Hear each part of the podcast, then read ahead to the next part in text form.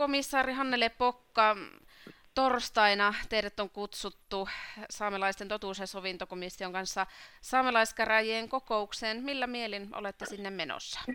No oikein hyvä, että saamelaisilla on tämä yleiskokous, koska siellähän he ratkaisevat sitten komission tulevaisuuden, jatketaanko me vai, vai lopetetaanko tämä työ. Ja ihan, ihan positiivista ja, ja mukavaa, että he haluavat myöskin henkilökohtaisesti kuulla meitä komissaaria. Myöskin, myöskin tuota, olen ymmärtänyt, että psykososiaalinen tuki on sinne kutsuttu ja meidän sihteereitä. Ovatko kaikki osallistumassa? Ei ole kyllä tietoa. Siinähän on niin kuin mahdollisuus, että voi osallistua joko etänä tai paikan päällä. Meitä on osa menossa paikan päälle ja, ja, ja osa menossa siis ny, nykyisestä meidän kokoonpanosta, millä me nyt, nyt kokoonnutaan, niin osa, osa aikoo olla etänä, kun se on niin lähellä, lähellä juhannusta. Aivan. No, Hannele Pokka, totuus- ja sovintokomissiolla on voi sanoa, että tällaista melkoista turbulenssia tässä viime, aina, viime aikoina ollut.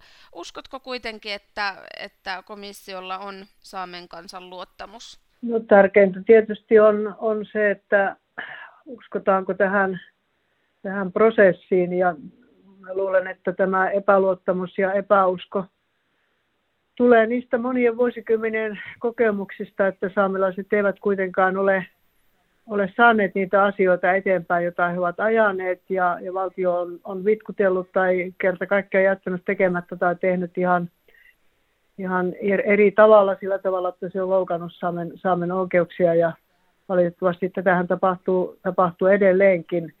Joten tällainen kriisi, mikä meitä on kohdannut, niin se on varmaan, varmaan oikeastaan aika odotettua ja, ja kuuluukin tähän, mutta torstaina varmasti – saamelaisten ylin, ylin niin kuin päätöksentekoelin, johon ihmiset on vaaleissa äänestetty, niin sitten niin kuin päättää, että uskotaanko tähän prosessiin, että tästä, tästä on tosiaan hyötyä Saamen kansan oikeuksien ja, oikeuksien ja, ja, ja ehkä enemmänkin niin, että tapahtuneiden vääryyksien kirjaamisella ja, tunnetuksi tekemisellä ja myöskin ehdotuksilla, että miten tästä eteenpäin.